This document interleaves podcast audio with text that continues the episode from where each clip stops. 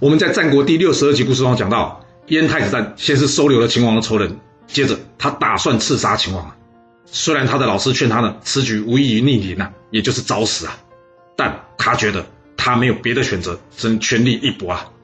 回看整个刺杀秦王的过程啊，从发想到执行，这当中唯一最大的败笔呢，应该就是他太心急了。没错，只要多等几天，或许历史就改写了。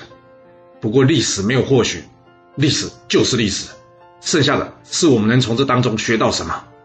那既然都已经把身家全部压上来，而且不怕死，那么为什么不选个正确的时间再来 all in 呢？除非你是救火员，要不然记住啊。急事缓办这句话非常的重要，你说是吧？